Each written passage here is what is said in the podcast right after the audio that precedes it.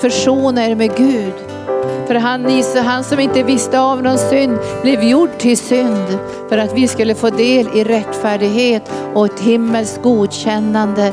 Jag ber dig helige Ande att evangelium, Guds kärleksförklaring ska nå in i alla människors hjärtan så de ska få lära känna renhet och helighet och kärlek som inte är bara den begränsade filioskärleken men som är agape-kärleken, himmelens kärlek.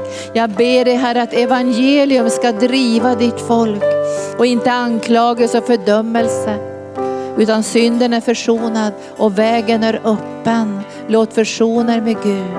Ni han som inte visste av någon synd blev gjord till synd för att vi skulle bli rättfärdighetsförklarade, rättfärdiga genom hans blod. Och därför kommer vi att hata synden. Därför kommer vi att hata synden och därför vill vi inte ha in synd i vårt liv. Så kom heliga Ande. Vi hatar syndens kraft och makt. Men vi älskar din andes kraft och makt. Så kom heliga Ande, du ger den trötte kraft så den kan färdas framåt utan att bli trött och utan att uppgivas. Och därför hämtar vi den övernaturliga smörjelsen från dig Jesus som vederkvicker både kropp, själ och ande. Och jag ber att den här dagen ska få bli en sån dag då din härlighet ska bryta in i våra liv. I Jesu namn. Amen. Halleluja, tack underbara lovsånger. Ge dem en sån där kärleksapplåd. Vi hade ju examen häromdagen sa alla elever, för vi hade en jättehärlig dag. Men det betyder ju inte att arken tar någon slags semester utan vi fortsätter som vanligt. Så nu kommer det snart att bli sommarbibelskola och sen kommer det vara en vecka på Sjöhamra gård. Och det kommer också vara en retreat den här helgen men den är redan fullbokad så att det, ingen fler kan komma till den. Men vi, vi ber att Herren ska få verka den här sommaren. Så att den här sommaren ska få bli en tacksamhetsförklaring till Jesus över hans trofasthet. Vi tackar Gud för det. Han sa ju till oss, och det har jag sagt många gånger, att 2021 så har vi fått orden om, om att bryta ny mark. Kommer ni ihåg det? Bryta ny mark. Och nu börjar jag skönja så här i anden att det kommer nya ord från Herren och det är en, att man kan känna det här det, det, är liksom en tid av, av frukt, eller det är en tid av, av skörd. Det kan jag börja känna i min ande. Och det som Herren säger som jag kan fånga upp ifrån Gud är att vi ska förbereda församlingen och förbereda våra, också våra egna hjärtan för andeutgjutelse. Alltså att vi ska få mer av Gud.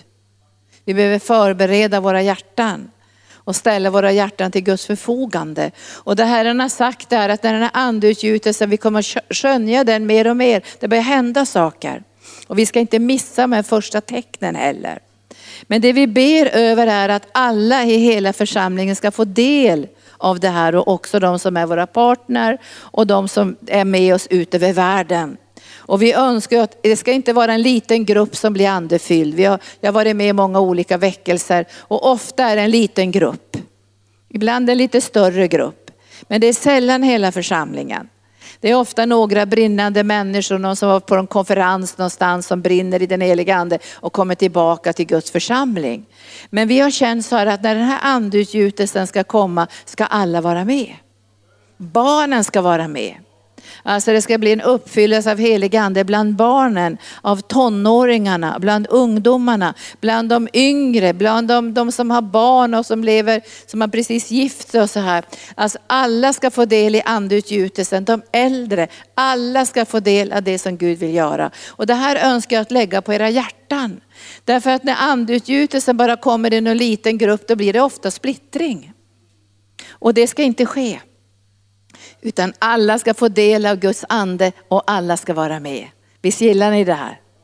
Så det här ska vi bedja över också, att vi ska förbereda våra hjärtan. Och det som Herren sa, det sa han ju 2021, att vi skulle be om hunger och törst. Hunger och törst. Vi ska be att, att Gud ska lägga hunger och törst i våra hjärtan av mer av Guds andes närvaro och Guds härlighet. Och för, för, att det skulle kunna ske det här som Gud hade på sitt hjärta så behöver vi också be om enheten mellan olika åldersgrupper och olika alltså grupperingar i församlingen. Hemgrupper och de som jobbar med evangelisation och helande tjänsten och retreatgården, skola och förskola. Att vi får en andens enhet. Och sen också en atmosfär. För jag, jag har ju haft sådana mentorsträffar med ungdomar där jag har sagt att arken får inte vara en, en plats med tystnadskultur. Där ingen vågar säga någonting. Utan man säger ingenting men sen när man går ut ur, ut ur lokalen så säger man massor med saker. Det vill vi liksom inte ha på arken. Men vi önskar att allt ska ske på ett värdigt sätt med omsorg om församlingens uppdrag och vision. Att vi ska kunna tala också om en del saker som kan vara svåra, men med att vi behåller den heliga andes atmosfär. För jag vill inte att ni ska bli som politikerna. De tjafsar och bråkar och härjar och strider. Därför det är köttets gärningar. Men att vi får en atmosfär av trygghet. Där vi kan fråga om saker, lyfta fram saker och ibland måste vi lyfta fram svåra saker. För arken är en plats där vi praktiserar biblisk moral. Och när man går med i församlingen så, så får man höra så här att då går du med i församlingen Arken så praktiserar vi biblisk moral och det står också i våra stadgar. Och då blir det många gånger svåra frågor som vi måste titta på. För det är ju inte bara teologi, det är också en pastoral omsorg om människor. Det är också en förmåga att kunna sätta gränser och hjälpa människor att övervinna synd och svåra omständigheter, eller hur? Så, så vi behöver ju ha en öppen atmosfär, men det får inte bli liksom en krigszon av tjafs och bråk och attacker och kötslighet, utan det ska vara en atmosfär dit människor ska kunna få ett exempel Alltså ett exempel, tänkte jag går och pratar om svåra saker och man attackerar inte varandra. Man hugger inte varandra i ryggen. Man har inte friendly fire. Det betyder ju att, att soldaterna sköt på varandra för de blev så hysteriska när det skedde saker. Så började de skjuta på varandra. Utan vi ska få en atmosfär och det ska bli ett vittnesbörd också. Att det finns respekt för ledarskap, respekt för organisation, respekt för de olika funktionerna, respekt framförallt för Guds andes närvaro. Och när jag, jag var bra, hon fyller ju 60 år, så det, där, kanske den veckan eller nästa vecka. Så de bad mig att jag skulle skicka en hälsning. Och då sa jag bland annat att jag var väldigt imponerad över den excellens som fanns bland hans medarbetare. Alltså den villighet att tjäna och den, alltså det, det var någonting som imponerade mig. Och sen imponerade det mig också över att man hade en sån respekt för den heliga ande. Alltså det var långa möten. När jag var där så var mötena över fyra timmar. Ingen lämnade lokalen. Alltså jag var helt in på och tänkte, hur klarar de det? Om de ska smita på toaletten eller någonting. Alltså, det var det var liksom en, vi respekterar den heliga ande och jag frågade någon medarbetare, för jag skulle vara där på studiebesök, så jag frågade, men, men eh, hur tänker ni med det här att alla ska vara kvar i möten? Och så sa de, du måste tänka så här att det kanske nästa gång är din pappa eller din mamma eller ditt barn som är i nöd. Då skulle du inte önska att bara folk gick, utan de stod med dig. Eller vad säger ni? Vi har ju också den tanken i arken, att när det händer någonting så står vi samman. Men det är mycket, jag märker ju ibland också på mitt eget liv och andras liv att när det ligger nära så får det större betydelse, eller hur? Man blir mer engagerad om det är ens eget hem eller sina egna barn eller någon medarbetare eller på det sättet. Men jag tycker vi ska bli engagerade genom kärleken till människor som kommer genom Jesus Kristus. Och det här ska vi också bedja över att vi, vi ska få den här respekten för den heliga ande och känna igen den heliga ande. För det kanske börjar liksom röra sig lite grann. Och då ska vi känna igen det och det kallas ju i Bibeln för den ringa begynnelsen.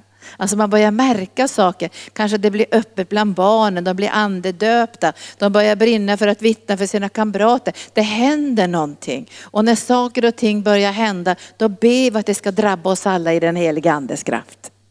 Att vi ska bli berörda av Guds kraft som församling och som ett helt kollektiv. Tack Jesus. Nu ber vi och nu du håller på att prata om vad vi ber över. Jag pratade med Göran, och, eh, Göran Zetterlund och Anita Rickardsson som arbetar med missionen. Att vi önskar att kunna ha en, en engelsk tolkning varje dag i bibelskolan. För vi har väldigt många partner utöver världen. Och vi tror att många i Israel, många i Afrika, jag får hela tiden sådana här eh, kopplingar till Afrika så de vill att jag ska göra olika saker med dem. Men jag skulle önska att de kunde komma på bibelskolan med distans, eller hur? Och få möta oss här varje dag. Så vi kommer att inbjuda alla de som vi har i partnerskap på olika platser över världen att kunna koppla ihop med oss i bibelskolan Jesus helar och upprättar live. Och därför ber vi nu att vi ska få starka, smorda tolkar. Så var med och be. Var med och be. För det här tror vi kommer att välsigna många ut över hela världen som får del i bibelskolans utbildning. Så, så var med oss och be och ropa till Gud att vi kommer att få tolka. Vi har inte sån jätteöverdådig ekonomi så vi kan betala utan vi måste börja någonstans, kanske frivilligt, men vi tror att många vill hjälpa oss och ser att det här är en otrolig möjlighet för oss att nå ut med, med undervisning och träning i den heliga ande till många platser. Och särskilt Afrika. Vi hade ju en gång engelsk bibelskola här och då skulle folk komma från olika länder. Men vi fick jätteproblem särskilt med de som skulle komma från Afrika för vi hade säkert 20 elever som skulle komma från Afrika. Men migrationen och alltså de ville inte ta emot de här för de sa att, att de kommer till Sverige sa de och sen kommer de att vara på bibelskolan två veckor och sen kommer de att stanna i Sverige. Så de hade olika skäl till att säga nej till alla våra elever. Men när vi är på distans, då kan de sitta där hemma i Afrika med sin mobiltelefon och komma i kontakt med oss här i Sverige. Visst är det bra? Tack Jesus. Så idag så ska vi tala om helighet och helgelse. Så att um, Gud får utrymme här. Helgelse betyder ju egentligen ge plats. Det betyder ge plats. Ge utrymme. För vem då? För Jesus. Så helgelse betyder ge utrymme för det som redan är givet genom Jesus Kristus. Allt som redan är färdigt genom Jesus Kristus. Ge utrymme åt det så du får del i det. Vi vet ju det fruktansvärda syndafallets konsekvenser. Alltså jag har talat om det i några söndagar. Alltså de fruktansvärda konsekvenserna av syndafallet. Och det står ju att ormen var listigare än alla andra djur. Och ormen är ju en bild på Satan. Och ni får inte tro att han är mindre listig nu. Det står han går omkring som ett rytande lejon. Och vi ska, vi ska kunna också se igenom hans listighet. Så att han var listigare än alla andra djur. Så när han mötte Adam och Eva, då var han listig, han visste ingångarna. Man kan säga att synd i sitt innersta väsen är uppror mot Gud som person, men också mot hans ord. Och idag ser vi ett väldigt uppror i Sverige, eller hur? Ett väldigt uppror mot, både mot Gud och mot Guds natur och mot Guds ord. Och jag tror många gånger vet inte människor att de är olydiga mot Gud. Jag tror inte de vet det. Men i samma ögonblick de får del i evangelium, Guds kärleksförklaring, så kommer det här första som händer i människors liv när de blir frälsta. De kommer att hata synden. Det är ingenting som någon behöver predika för dem egentligen, utan det kommer som en frukt. Jag säger det här, det är jätteviktigt. Alltså när jag tog emot Jesus som frälsare så hann ju jag inte göra upp med saker. Man hade ju önskat att man hade kunnat göra upp med massor med saker och sen ta emot Jesus. Utan frälsningserbjudandet kommer i alla omständigheter i livet. Alltså det är inte så att någonting måste förändras för att man ska kunna bli frälst. Man tänker jag måste sluta med det, jag måste sluta supa, jag måste sluta knarka, jag måste sluta bråka hemma, jag måste sluta med det ena och andra. Sen kan jag bli frälst. Men du måste bli frälst precis i din jobbiga livssituation. Och det här gör ju att Jesus får all ära.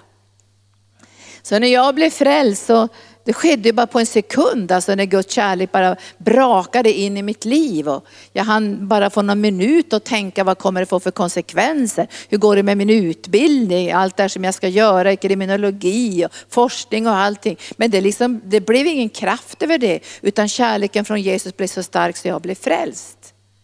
Men den första tanken när jag blev frälst och Jesus flyttade in i mitt hjärta, det var ju den här obehagliga känslan, hur smutsigt det var på insidan. Och då hade jag ju önskat att jag hade hunnit med storstädning först. Och sen ta emot Jesus. Då hade jag kunnat känna Jesus, kom in i mitt städade hus. Jag har städat allt för dig.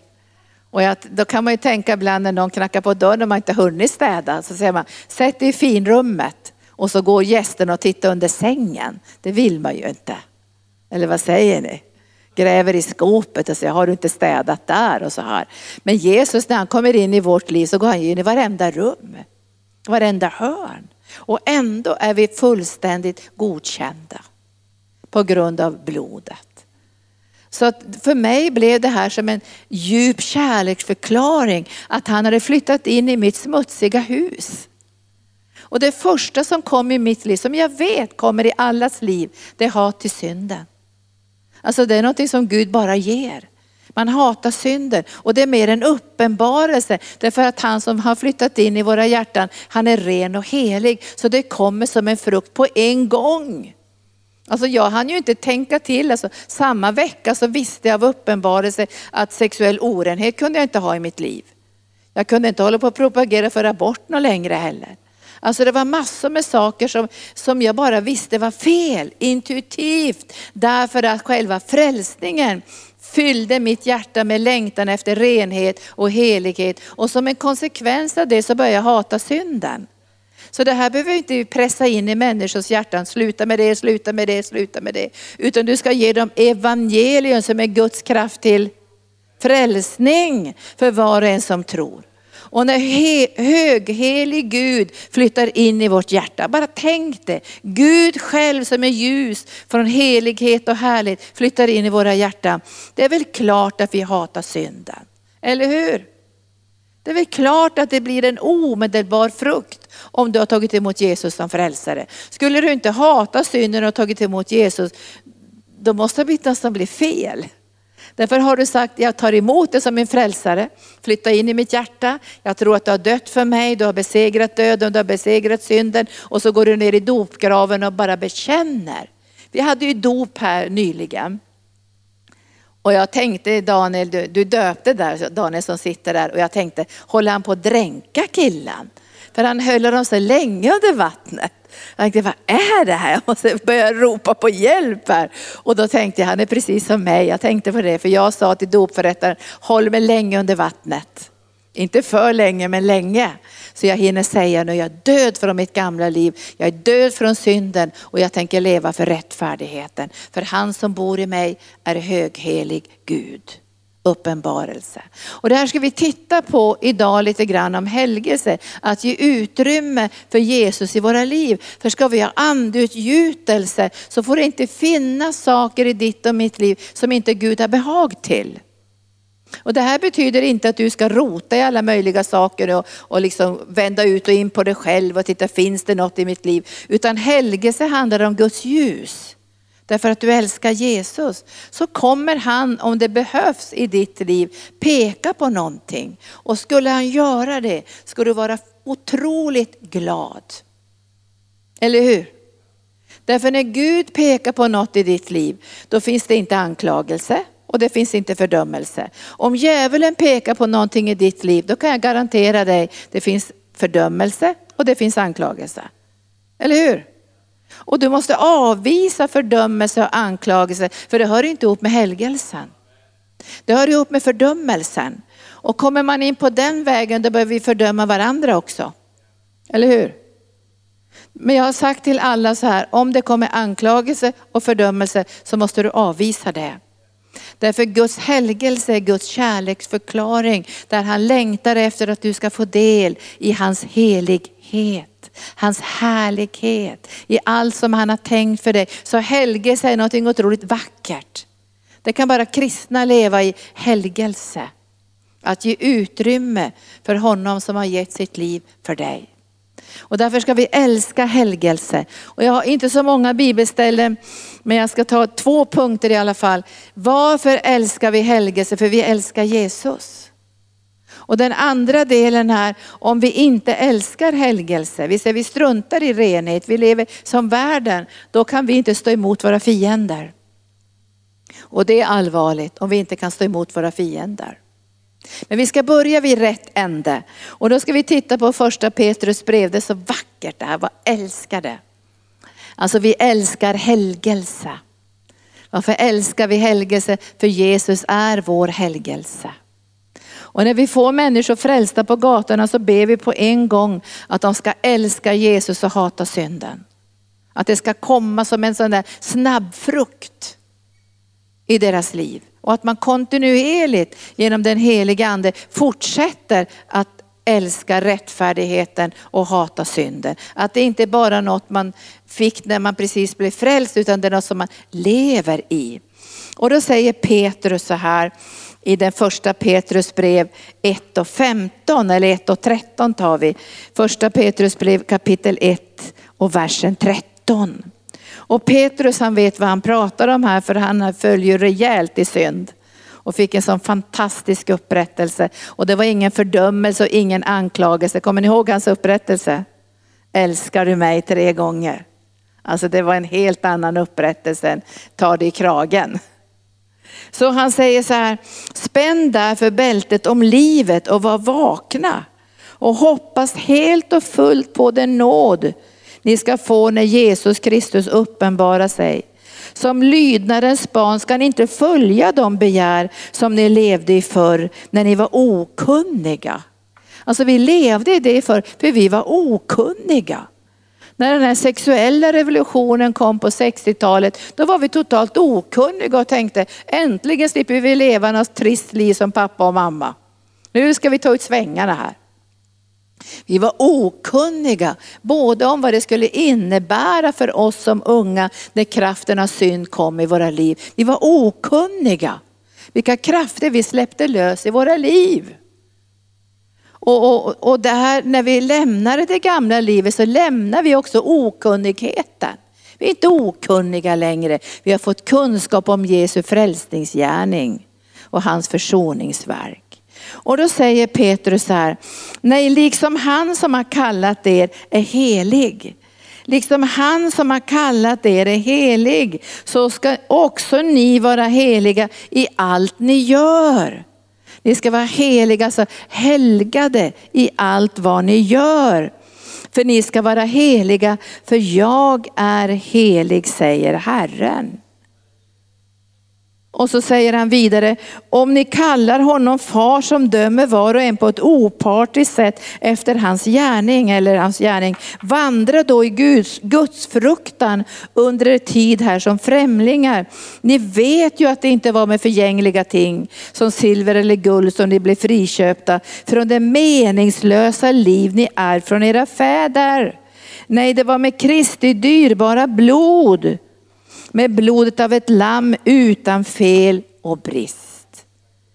Alltså det här är själva grunden för helgelse. Du och jag, vi älskar Jesus och vi, är, vi vet vad det, vad det kostade honom att ge sitt liv för att försona världen med Gud.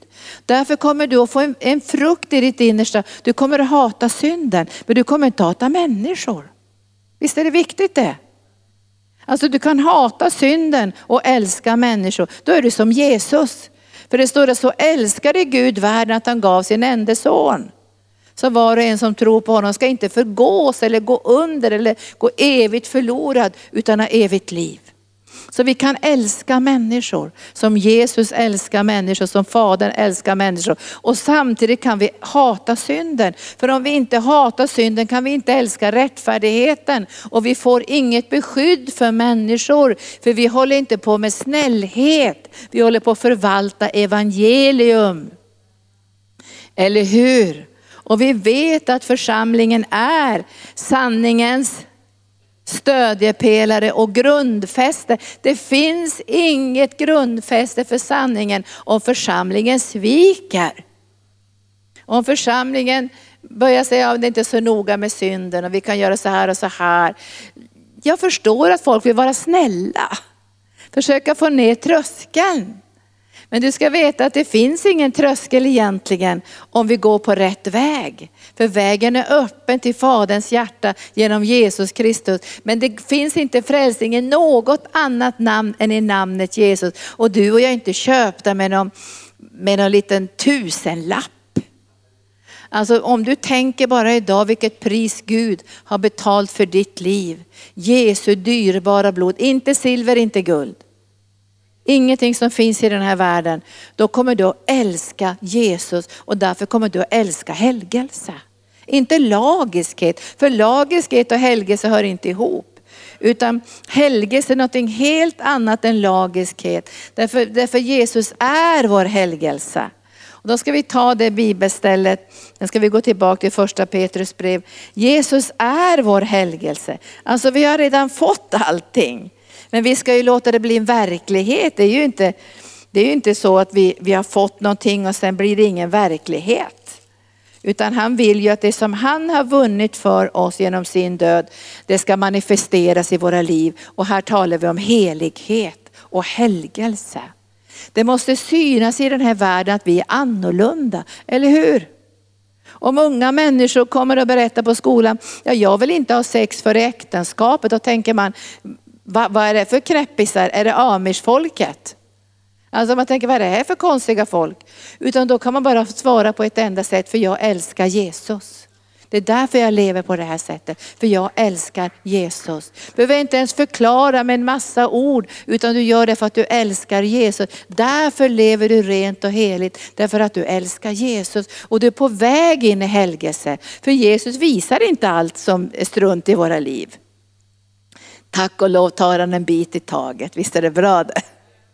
Därför att vi är redan helgade. Skulle vi dö mitt i det att vi inte har, att vi, det har inte blivit någon särskilt stor helgelseprocess i våra liv så kan vi tillräkna oss hans helgelse och hans godkännande, eller hur? Därför att Bibeln säger ju så här, nu tar vi det här bibelstället i 1 och 29. Och texten innan så står det att, att Gud utväljer dem som ingenting är för att ingen ska kunna berömma sig inför Gud. Alltså ingen ska kunna berömma, duktig jag var, vad helgad jag är, jag har klarat av det här och det här. Jag, jag, jag dricker inte sprit något längre, jag svär inget mer och jag bråkar inte hemma och jag förtalar inte folk något mer. Jag menar det blir ju bara egna gärningar. Men om du skulle säga den helige ande har fått verka i mitt liv med en sån kärlekssmörjelse så jag vill inte det här något längre. Så säger du tack Jesus. Jag vill inte det här nu längre därför att hans ande har fått verka i mig så jag har börjat hata synden. Jag börjar hata den här livsstilen, det här sättet att vara, de här attityderna. För jag älskar Jesus, jag vill mer och mer få del av hans tankar, hans sinnelag, det som han har på sitt hjärta och hans vilja. Ett verk av den heliga ande på grund av Jesu försoningsgärning. Nu läser jag det här. Tack vare Fadern alltså honom är ni i Kristus Jesus. Tack vare Faderns ingripande är du och jag i Kristus Jesus. Jag vill inte vara på någon annat ställe än i Kristus Jesus. Alltså han ska ha äran, han ska ha tacket. Jag, jag har ingen lust att gå in i himlen och stå och brösta mig över något jag har gjort. Utan när jag kommer in i himlen säger jag, Jesus du är min lön. Att få tjäna dig, älska dig och tillbe dig, det är min lön. Och då säger, då säger Fadern så här till oss. Tack vare Fadern är ni i Kristus Jesus. För oss har han blivit till vishet från Gud, till rättfärdighet och till helgelse. Nu stryker vi under särskilt helgelse, men också återlösning. För att det ska bli som det står skrivet, den som berömmer sig ska berömma sig av Herren. Så när Herren helgar dig och du längtar efter helgelse, du säger Herre jag vill ge utrymme för dig, för jag vill få undan allt i mitt liv som inte behagar dig, då är det ett verk av den heliga ande. Och nu säger vi det igen, ingen fördömelse, ingen anklagelse, utan när Herren helgar dig så är det en kärleksförklaring för att du ska få del i hans härlighet. För att du ska få bättre andlig syn och kunna bli en kanal i den här världen. Tack Jesus. Så helgelse är en fantastiskt verk av den heliga ande. Och jag tror att många kristna kommer in i lagiskhet. Alltså vi har en slags syndakatalog. Som vi säger att alla ska leva så här och alla ska göra det här. Och det kan bli hur tokigt som helst. Att då får, får vi inte, måste klä oss på ett visst sätt och säga vissa saker. Vi öppnar den här katalogen. Det är Gud verkar olika tider i människors liv beroende på kallelsen, beroende på vilken plats de har i Guds rike. Men också beroende på hur mycket de längtar efter helgelse. Och jag skulle vilja säga till er också som är unga, längta efter helgelse. För då får du del av Guds härlighet, av Guds nåd och, och av det som Gud har ännu mer på sitt hjärta. För utan helgelse, står det i Bibeln, kan ingen se Herren. Kommer ni ihåg det ordet i Hebreerbrevet? Utan helgelse kan ingen se Herren. Och när människor inte helgar sig så får de grumlig syn. För det finns saker som skymmer. Och det här har jag fått kämpa med hela våren när jag skulle göra den här grå starroperationen och alla som jag frågade så gick ju lätt som helst och hur lätt som helst. Ja men det gick inte så lätt som helst för mig därför att den här läkaren glömde skräp i ögat. Det var skräp kvar i ögat. Och det gjorde ju att det blev jätteirriterat och tappat synen och det ena och det andra och nu har det gått många månader och det har inte blivit bättre och till sist så sa läkaren så här, att nu måste vi operera dig igen och försöka få ut det där skräpet. Och jag tänkte det är väl lika bra att jag opererar mig igen. Jag har ingen lust att de skulle karva i ögat igen. Och jag visste någonstans att hon hade sett vars det här, hon sa de här skräpen har gömt sig här och vart hon sa under regnbågshinnan. Men jag ska gå in och karva där och försöka få ut det. Och jag tänkte Jesus, tack att du inte gör så där nu ska helga mig. Du karvar, du, nu har vi hittat skräpet, nu ska vi bara karva här och försöka få ut det. Och jag tyckte de höll på väldigt länge, jag tänkte ska de inte sluta någon gång att karva? Och då sa hon så här efteråt, läkaren att ja, det, var, det var svårt att hitta det där skräpet som blev kvar i ögat. Och jag tänkte så här, vi ska älska helgelse, för jag vill inte ha något skräp i mitt andliga öga heller, vill du det? Så du tappar synen och det blir grumligt och du ser ingenting. För vi måste se den yttersta tiden. Vi måste förstå vad som händer och vara ett i anden så vi förstår också vilka, vilka, vilka attacker som kan komma emot oss och vilket tryck som kan komma emot oss. Så vi kan också beskydda varandra i den här yttersta tiden.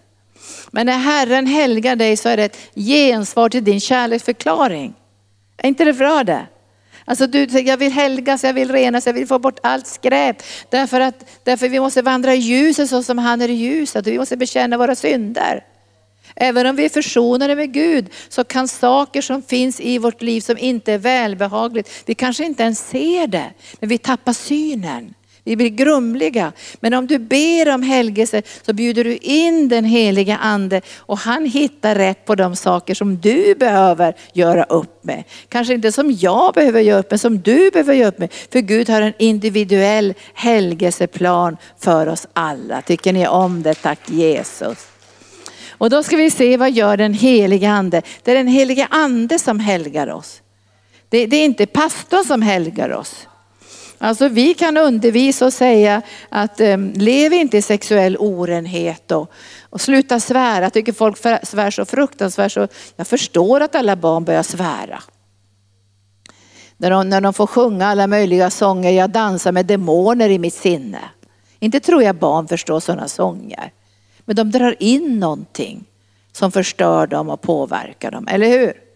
Och därför måste barn också älska helgelse, ge utrymme för Jesus. Och vi måste lära dem att älska helgelse så att anden får ingång i deras liv. Och nu går vi tillbaka till första Petrus brev när Petrus talar igen, så nu tar jag första kapitlet igen, men jag tar första versen och framåt så står det från Petrus, Jesu Kristi apostel, till de utvalda som lever utspridda som främlingar i Pontus, Galatien och Kappadolien, Asien och Betanien. Ni är förutbestämda, lyssna noga nu, andra versen. Ni är förutbestämda av Gud Fadern och helgade genom anden till lydnad och rening med Kristi blod. Till lydnad för Herren och till rening med Kristi blod. Så när vi helgar så blir det både en lydnad och en rening. Och därför märker vi i våra egna liv när helgelseprocessen fortgår. Vi får en lydnad till Guds ord. Det hade inte Adam och Eva. De tittade på frukten och tänkte att här blir vi lika Gud och kan Gud ha sagt att vi ska dö? Nej, det kan aldrig ske. Och, och, och, så fick de del av lögnen från ormen och till sist så stod de nakna och fyllda med fruktan. Det blev konsekvenserna av djävulens gärningar. Men när du och jag förstår att helgelse för till lydnad och det för också till rening i Jesu blod. Då kommer du och jag älska helgelse. För vi vill ju lyda Gud, eller hur? Jesus säger att han är lydig till döden på korset. Och vi önskar att den frukten ska komma i våra liv, att vi får en lydnad till Guds ord och en lydnad till Gud själv, en lydnad till kallelsen och uppdraget och allt det. Att det kommer en lydnad. Många kristna vill inte ha någon lydnad för de tror att det är lagiskhet.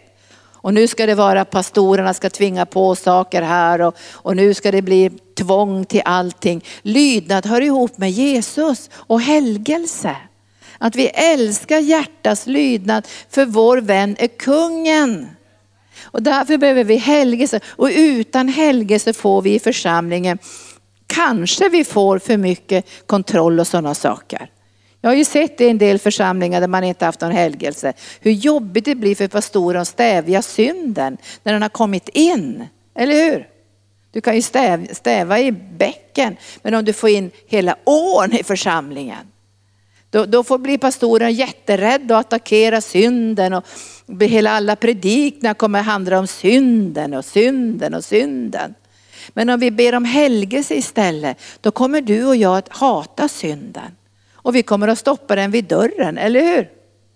Vi kommer inte vilja ha in det i vårt liv. Vi vill inte ha in det överhuvudtaget i våra egna hjärtan. Och skulle vi få in synden i våra egna hjärtan, då vet vi vilken väg vi ska gå. Till rening i Kristi blod och få förlåtelse. Visst är det bra det här?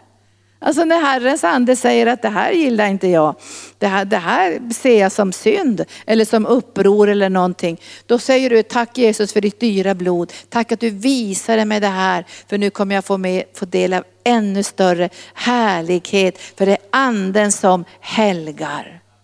Och det här tycker jag blir så fantastiskt vackert när det, när, det, när det här blir ett verk av den heliga ande. Och i det nya förbundet är det på ett annat sätt än i det gamla förbundet.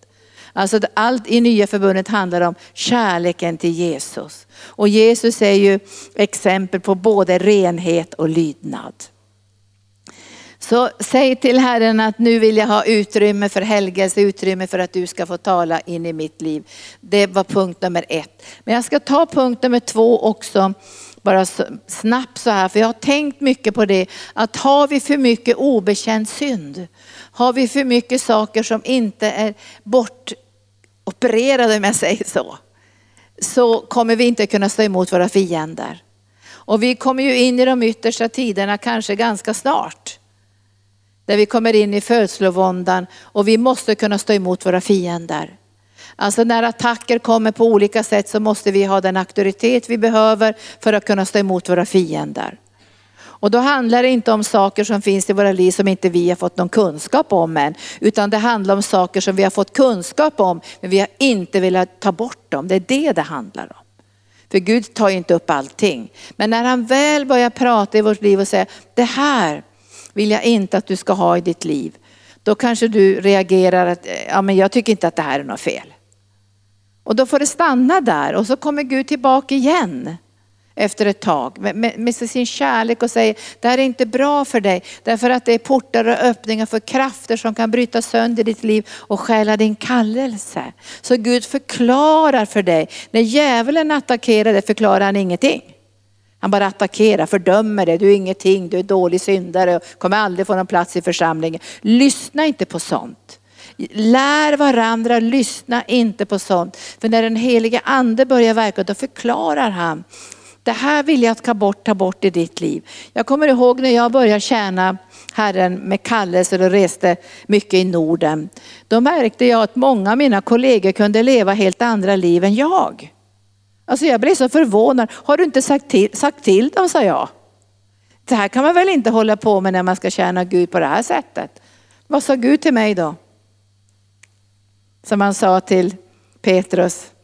Vad kommer det dig vid? Följ du mig.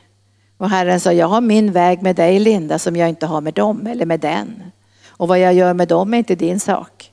Men vad jag gör med dig, det ska du gensvara till. Och jag tyckte Gud var mycket strängare mot mig än han var mot många andra. Till exempel det här med alkohol. Jag hade ju kollegor som drack ganska friskt. Och jag har ju kollegor än idag som tycker inte att det är något fel att ta lite vin och så här bland folk och så. Jag har aldrig fått göra det. Och fastän det inte står i Bibeln att det är syndens. Det står inte att alkohol är synd. Men det står att allt som inte sker av tro är synd. Och det står att allt är lovligt men allt är inte nyttigt. Och det står att vi ska inte dricka oss druckna av alkohol. Eller hur? Och då när Herren började tala till mig att, det gjorde han för massor med år sedan, att jag ska inte gå in på den vägen. Även om jag tyckte, men jag är fri, fri, fri. Nej, sa Herren, du är inte fri, fri på det sättet. Därför du är en ledare efter mitt hjärta. Och ditt liv måste vara ett exempel för andra. Därför det finns mängder med människor som har alkoholproblem. Så att när de ser dig som en ledare sitta och dricka eh, öl eller sprit nere vid Kungsängens torgar. Då kanske de tänker, ja men det är väl helt okej, okay, jag kan göra det också. Och så kanske min broder faller. Eller hur? Så det är många saker som man har fått lägga undan och men Jesus förklarar det också för oss. Det här lägger vi undan nu. Det kanske inte är någon jättestor syn, men vi lägger undan det ändå. Och en av mina kollegor hade varit på en stor kampanj och satt i flygplanen på vägen hem över Europa eller vars det var, kanske Afrika. Och så tänkte han att ja, men jag tar en Bailey till kaffet, det är någon slags likör. Så han fick en Bailey till kaffet. Och han drack den, han var ingen alkoholist utan han hade ganska, kanske lite liberal syn på det här. Inte att dricka något mycket men en liten Bailey till kaffet. Och sen när han var på väg ut ur planet så såg ju han, det visste inte han, men i det här planet satt det fullt med människor som hade varit på hans kampanj. Som gick fram till honom och sa, ja vi ber för dig för vi ser att du har problem med alkohol. Och jag tänkte, fy vad pinsamt. Ja, fy så pinsamt. Så han fick säga, jag har inget problem med alkohol. Men vi såg att du satt och drack där, det var sådana som absolut inte skulle dricka. Så att det här finns också ett ansvar som ledarskap. Och, och, jag tycker Jesus är ganska tuff när han säger till Petrus, vad kommer det dig vid? Vad som ska hända med Johannes, men det som gäller dig, det är viktigt. Så den heliga ande gör det här verket och nu kommer jag till det här att vi kanske inte kan stå emot våra fiender. Och jag vill inte se ledarskap ligga och gråta. Nu ska vi titta på det här i Joshua bok. För ibland bedömer ledare saker på ett felaktigt sätt. Du vet Joshua han var ju så frimodig, eller hur? Han var ju så frimodig och Gud sa var frimodig och oförfärad. Men i den här texten, så, så i, i, du kan läsa om du vill hela texten, så står det i kapitel 7 och versen 6. Joshua rev sönder sina kläder.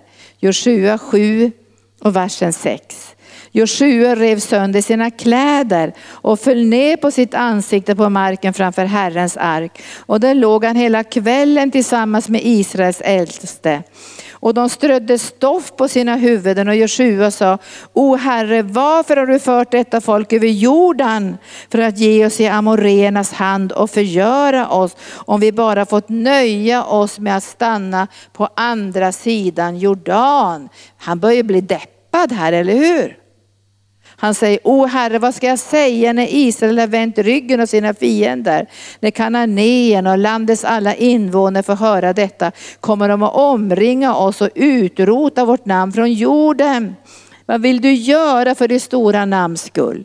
Alltså nu är han deppad och de har inte kunnat stå emot sina fiender och många tusen har dött. Och nu ligger han och gråter. Då säger Herren så här. Då svarade Herren Joshua, res dig upp. Varför ligger du där på ditt ansikte?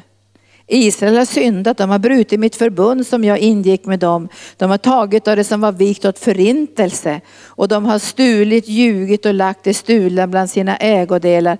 Därför kan inte Israels barn stå emot sina fiender. Och då säger han någonting som jag tycker är, fast det är det gamla testamentet, så säger han. Res dig, helga folket och säg, helga er till imorgon, för så säger Herren, Israels Gud. Det finns något som är vikt åt förintelse hos dig. Israel, du kan inte stå emot dina fiender förrän ni avlägsnade ifrån er. Jag ska säga så här, när, när, när Joshua sa det här så var det nåd. Helga till imorgon. Akan hade jättemycket tid på att gräva upp de här sakerna och kasta dem på soptippen, eller hur? Så när Herren säger helga er, nu är det här gamla testamentet, men då var det nåd också. Han sa inte, nu på en gång ska vi titta vem som har syndat, utan helga er till imorgon. För finns det någonting till spillogivet så måste det upp. Men Akan, han gjorde inte det, han tog inte vara på helgelsen. Eller hur? Utan han lät det här ligga kvar. Han hade grävt ner det i jorden i sitt tält. Och det var väldigt dyrbara grejer så jag förstår hans frestelse. Det var guld och silver och det var en fin klädnad. Så den hade han grävt ner där. Och när, när de hade helgat sig då, så jag tror de flesta där kanske gjorde upp med saker. Jag tror många av dem slängde det bara. Ut med det här, vi måste kunna stå emot våra fiender. Men Akan gjorde det inte för att det här var för dyrbart för honom. Det låg för nära hans hjärta. Och när man läser konsekvenserna så är de inte särskilt trevliga. Det här är gamla testamentet. Men det jag tror gäller för oss idag också. Därför säger vi helga er. För vi går in i en tid av förnyelse, en tid av andeutgjutelse. Och finns det någonting i lägret som inte Herren har behag till, så säger vi till honom, ta bort genom den heliga ande. Och vi är beredda att ta bort det även om det är något som kanske ligger nära vårt hjärta. Vi har någon skötesynd. Det finns ju synder som bara pågår hela tiden i människors liv. Som man har blivit van nästan med. Och, och, då måste man bara säga, här, den här synden vill jag faktiskt inte ha i mitt liv. Välkommen heliga ande. Så Gud talar inte om vi ska vara perfekta och duktiga och klara av allting. Utan vi ska ge utrymme för helgelse så att den heliga ande kan verka. Och ibland tar det längre tid i människors liv och ibland går det snabbt i andras liv. Men det är viktigt att vi ger utrymme för helgelse. Därför att även om det finns brister i våra liv, men vi är öppna med det och säger helige ande, jag har jobbigt med det här, helige ande, jag klarar knappt av det här. Men kom helige ande och verka i mitt liv för jag älskar helgelse. Då kommer den helige andes nåd och Jesu blod att komma och när det sker en förändring då vet du, det här klarade inte jag av i egen kraft utan det här handlade om Jesus och försoningsblodet. Men vi, har känt, vi kommer att ha många fiender. Alltså vi har fiender. Varför har arken fiender? Ja, men det är klart att arken har fiender. Vi predikar evangelium. Vi har en, en fokusering på Jesus och försoningsgärningar och blodet. Det är klart att vi har fiender. Djävulen skjuter inte på en död höna. Eller hur? Och vi får attacker på olika områden. Och därför måste vi kunna klara av att stå emot de här attackerna och de attackerna som kommer ifrån mörkrets makter. Och därför så sänder jag in i era hjärtan, det, det kan ju bero på många olika saker, men vår längtan är under den här våren och sommaren att vi ska låta Herren helga oss och få erfarenhet av helgelse som någonting underbart och härligt som inte har med prestation och press och, och all det här lagiska fördömandet att göra utan vi förstår att äkta barn fostras av sin far för att få del av Guds härlighet och det vill vi, andeutgjutelse och härlighet, det vill vi få del i. Och vi längtar ju efter att den heliga ande ska ta bort det. Och finns det nu synd i lägret, vi säger att det finns synder under ytan som inte vi känner till. Vi, vi går ju inte och kollar alla människornas liv. Det kanske finns orenhet, det kanske finns sexuell synd, det kanske finns synd när det gäller pengar, inte vet jag. Det här vet Gud. Och därför går inte vi och rotar i människors liv. Vi har sagt så här, här praktiserar vi biblisk kristendom, vi praktiserar biblisk moral och vi ber att ni ska längta efter helgelse så att Gud kan göra det här verket i era liv för då blir vi starka tillsammans. Vi blir inte duktiga tillsammans, vi blir starka tillsammans i den heliga ande. Och är det någonting, nu säger jag så här, det kan hända att det är någonting. Och, och, ja, vi säger att det finns människor i arken som, som driver oren teologi. Som säger så här, det här, det här, det här kan man göra som kristen. Fast det är precis tvärt emot Guds ord. Och då vet ju vi att det är krafter bakom som verkar på olika sätt. För vi älskar ju människor, eller hur? Vi önskar att människor av kärlek till Jesus ska lämna syndiga saker och, och vilja följa Jesus. Och därför behöver vi också kunna stå emot fienden. För vi strider inte mot kött och blod, vi strider inte mot människor. Vi bråkar inte med människor, men vi strider mot de krafter och de makter av synd och mörker och död i andevärlden som vill stjäla ifrån er och från oss den kallelse vi har fått ifrån Herren. Och så ber vi att när frälsningen kommer människor till del så ska den första frukten vara att de älskar Jesus och hatar orättfärdigheten. Och så avslutar med att helgelse är någonting fantastiskt, underbart och härligt därför vi är redan helgade. Och vi får del av hans rena vackra liv. Hans styrka att stå emot synden. Hans kraft att övervinna allt det här som Jesus hade när han levde här på jorden. För han levde i full helgelse. Han syndade aldrig. Det ska du och jag få del i genom den heliga ande. Och det ska märkas i vårt liv och i församlingens liv att vi tillber en helig Gud. Som han är helig är vi heliga. För vi tillber en helig Gud. Och när evangelium predikas mot människor så predikar vi inte emot synden. Det är ingen idé att predika emot synden. Utan den krigar vi emot och vi, vi håller tillbaka syndens makter. Vi måste predika Guds kärlek som är så stark att människor i samma ögonblick som de tar emot Jesus som frälsare kommer att göra vad då? Hata synden. Eller hur? Det kommer som en frukt direkt. De hatar synden. Och ibland vet de inte varför de hatar synden. Det är bara att de har fått del i helighet och renhet. Det liv som kommer via Jesus från himlen. Och de kommer att känna, jag vet ju till och med att det går inte att synda knappt med kroppen om så du har blivit frälst. Jag har aldrig förstått hur folk kan synda sexuellt sen de har blivit frälsta. Jag har aldrig förstått det. För jag försökte en gång och det gick inte. Jag var nyfrälst av det första halvåret som, som vi var ute med sommarkyrkan och det var det någon snygg kille från Dalarna som hade någon musikgrupp som jag blev lite förälskad i, bara så det ytligt. Och sen så skulle jag lyfta upp till Rättvik och träffa mina andra kompisar som skulle evangelisera och då sa han, kan inte du komma förbi mig? Så när du ändå lyfter upp till Rättvik, så ja men det ska jag göra så jag kommer förbi dig. Och jag hade bara varit frälst någon månad kanske, två, tre månader. Ja, det, började, slutade, det slutade inte där, men det började med att vi började kyssas då. Och sen skulle vi hamna där i sängen. Vet du vad som hände i mig? Alltså jag fick akut magkatarr. Alltså jag kände det här är groteskt, det här passar inte mig. Jag är helgad, jag är renad i Lammets blod. Jag hoppar upp i sängen och sa hej då, klockan var halv tolv på natten. Nu lyfter jag vidare här. Det gick inte därför att min kropp är vad då?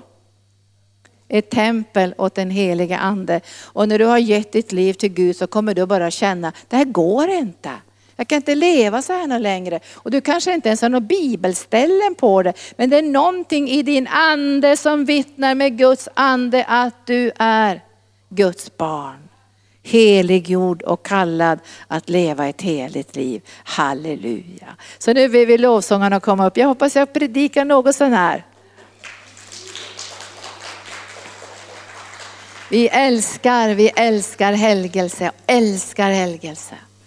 Och ibland när Herren säger, han säger ingenting ibland på flera veckor men så kommer ljuset. Det här, det här måste vi jobba med, det här måste vi ta itu med. Och då vill jag vara villig när anden manar. Tack Jesus. Ska vi be nu bara en kort stund att vi ska få den här kärleken till helgelse och renhet. Ni ska vara heliga, för jag är helig. Och ni får del av himmelsk härlighet och Guds närvaro. Och vi förväntar oss nu, jag hoppas redan under våren, sommaren, att vi ska börja smaka den här andeutgjutelsen. Visst vill ni det? Alltså jag vill se det här som, kanske inte blir som gamla tider, men jag kommer ihåg när Bill Pränkard och Gunnar kom under kraften så de rullade här framme. I like that. När människor faller under kraften och berörs av Guds ande och bevarar Guds andes närvaro. Det längtar vi efter. Och vi ska börja känna igen den stilla begynnelsen och vi ska öppna oss och vi märker anden är ju här nu, anden verkar ju här nu. Kom och verka på mig helige ande, jag märker att du är här helige ande. Och så kanske vi får också få uppleva i den här nya andeutgjutelsen hur barnen ligger under Guds kraft, de unga ligger under Guds kraft, de äldre har inte dragit sig undan. Nu är det många kyrkor som finns inga äldre kvar. Därför de säger så här, vi, vi, vi, har dragit oss undan, nu får de unga ta över. Jag tycker det är det största sveket någonsin och totalt obibliskt. Vi ska alla vara med med våra gåvor, funktioner och kallelser. Och nu, nu, om det är någonting i ditt liv, nu gå inte hem och deppa nu och tänk, åh vilken dålig kristen jag är. Vi ska sluta med alla de där attityderna och istället säga, tack Jesus, tack att du visar det här. Jag måste ju vara ett Guds barn. Tack Jesus att jag ser det här. Och sen säger inte han så här, fixa det nu. Nu får du fixa det här. Utan han säger, bjud in den heliga ande. Så ska han verka i dig den helighet och den helgelse som redan är given genom den heliga ande och Jesu försoningsgärning. Så nu ber vi det heliga ande, både i ledarskapet i arken, vi ber för alla hemgruppsledare, alla anställda, alla frivilliga, alla församlingsmedlemmar som är med i arken och alla de som också är med oss via distans. Att den här helgelseprocessen av helighet och renhet och härlighet ska fortgå i våra liv. Så vi kan vara beredda när anden faller. Vi tänker vara beredda när vi börjar skönja den här andutgjutelsen som jag vet är på väg. För du har sagt Herre att det ska bli en tid av skörd. Du har sagt det Herre.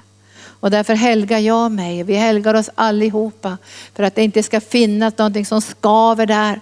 Som skavde i mitt ögon det hela den här våren. Det här skavandet och inflammationen och bristen på synskärpa på grund av att det fanns skräp i mitt öga.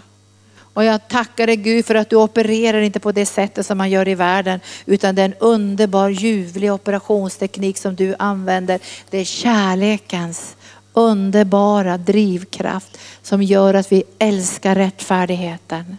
Men vi kommer hata synden. Och vi kommer att renas från synden och låta Jesu blod tvätta våra liv. Kom nu heliga ande och förbered oss för andeutgjutelse i Jesu namn.